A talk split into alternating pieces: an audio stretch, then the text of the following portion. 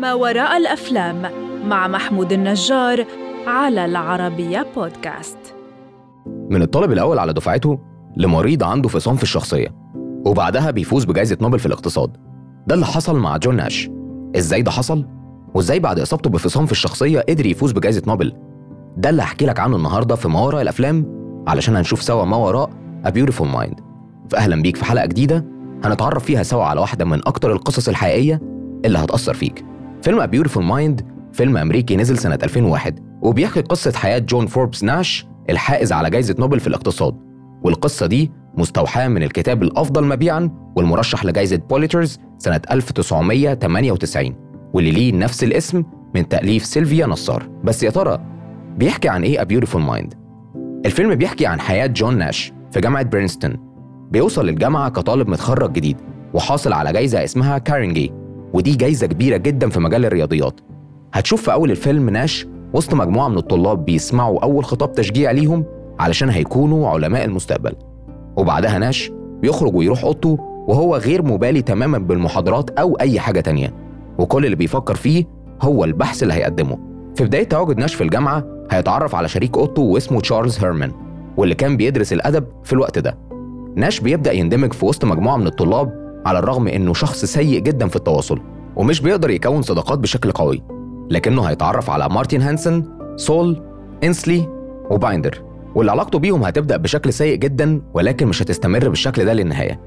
ناش بيكون كل تركيزه في البحث بتاعه علشان عايز ينزله في أقرب وقت ويكون بحثه بيتكلم عن مفهوم جديد عن ال governing dynamics أو ديناميكية التحكم وطول الوقت بيكون مركز إنه يلاقي فكرة فريدة من نوعها وبسبب تفكيره ده بيتأخر في تقديم البحث ولما دكتوره بيعاتبه على التأخير ناش بيقول له Find the truly original idea that is the only way I will ever distinguish myself.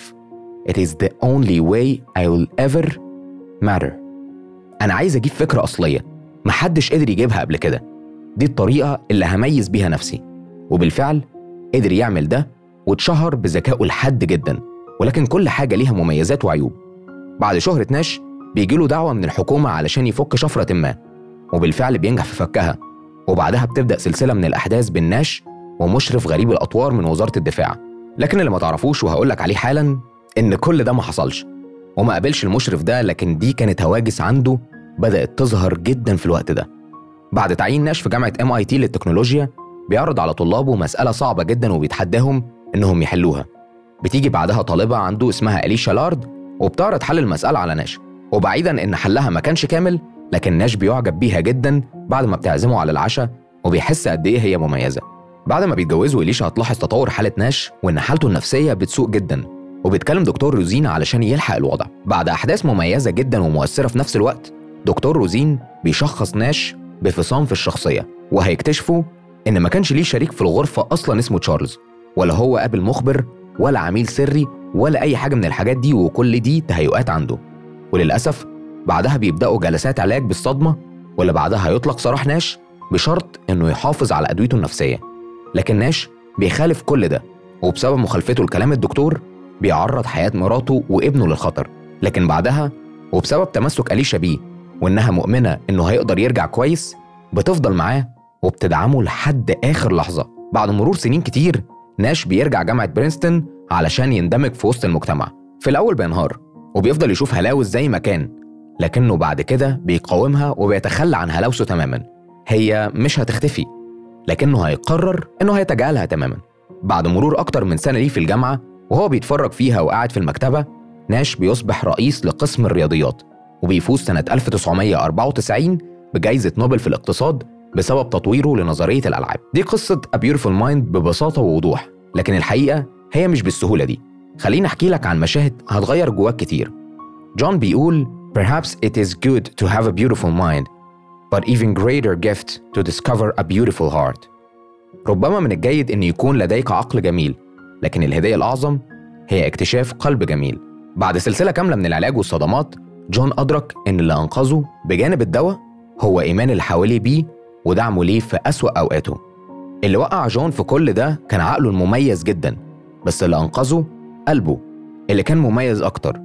وكان لسه جواه أمل إنه يبقى كويس وعلى الرغم إن تشارلز طلع شخصية مش حقيقية إلا إنه كان داعم جدا لجون وخلاه يتجاوز حاجات كتير سيئة خلال سنوات دراسته تشارلز كان بالنسبة لجون صديقه المنقذ اللي دايما بيقول له جملة واحدة تخليه يغير مسار حساباته تماما فمرة قال له If we can't break the ice, how about we drown it؟ لو مش قادرين نكسر الجليد إيه رأيك نغرقه؟ شخصية تشارلز في الفيلم أدبية أكتر وفي الجزء الأول من الفيلم قبل اكتشاف جون إن كل ده مش حقيقي تشارلز كان داعم جدا بالعكس وكان دايما بيوجهه ناحية الصح لكن في النهاية هو كان سراب يعني تخيل لو عرفت فجأة إن الأشخاص والأماكن واللحظات الأكثر أهمية بالنسبة لك ما اختفتش وما ماتتش بل أسوأ من كل ده هي ما كانتش موجودة أصلا ده الجحيم بعينه اللي كان بيمر بيه جون لكن جون على الرغم من كل ده كان شخص صاحب منطق قوي جدا وإلا ما كانش فاز بجائزة نوبل في الاقتصاد كمان من أشهر الحاجات اللي قالها آدم سميث said The best result come from everyone in the group doing what is best for himself, right? Adam Smith was wrong. The message sometimes it is better to cooperate. آدم سميث قال في مرة إن أفضل نتيجة بتيجي من قيام كل فرد في المجموعة بالحاجة المفضلة ليه لكن الحقيقة آدم سميث كان غلط لأن من الأفضل أحيانا إننا نتعاون وده هيوصلنا نتيجة أفضل على الرغم من إن ناش كان عنده صعوبة في تكوين الصداقات لكنه كسب حب اللي حواليه وده ترد له في الآخر في نهاية الفيلم وجون واقف على المنصة وبيلقي كلمته أثناء استلامه جايزة نوبل قال My quest has taken me to the physical, metaphysical, the delusional and back. I have made the most important discovery of my career, the most important discovery of my life. It is only and the mysterious equation of love that any logic or reasons can be found. لقد أخذني بحثي إلى الجسدي والميتافيزيقي والوهمي والعودة. لقد حققت أهم اكتشاف في مسيرتي. أهم اكتشاف في حياتي. يمكن العثور على أي منطق أو أسباب فقط في معادلات الحب الغامضة. وختم كلامه وقال: I'm here tonight because of you. You are the only reason I am. You are all my reasons. Thank you. أنا هنا النهاردة بسببك أنت بس. أنت السبب الوحيد. أنت كل أسبابي. شكرا ليكي. وبص لحبيبته ومراته أليشا. ممكن تكون بتسأل مين اللي كان ورا العظمة اللي طلعت فيلم A Beautiful Mind. الفيلم من إخراج رون هاورد وكتبه أكيفا جولدسمان ولعب أدواره الأساسية كل من راسل كرو وجينيفر كونلي وفاز بأربع جوائز أوسكار منها جايزة أفضل فيلم وأفضل مخرج وأفضل سيناريو الفيلم وأفضل ممثلة مساعدة. لكن على الرغم من كل ده اتعرض لانتقادات كتيرة جدا لأن في اختلافات كبيرة ما بينه وما بين القصة الفعلية لحياة جون ناش. ورد صناع الفيلم على ده إن ما كانش هدفهم إن الفيلم يمثل حياة جون ناش حرفيا ولكنهم كانوا عايزين يصوروا الصعوبات اللي مر بيها والإجهاد العقلي اللي تعرض له وفي النهاية فوزوا بجائزة نوبل. فيلم A Beautiful Mind وراه كتير جدا. إيه رأيك تشوفه دلوقتي وتشاركني شفته من أي منظور؟ واستناني الحلقة اللي جاية. أنا محمود النجار علشان نشوف فيلم جديد بمنظور مختلف. منظور ما وراء الأفلام المقدم من العربية بودكاست.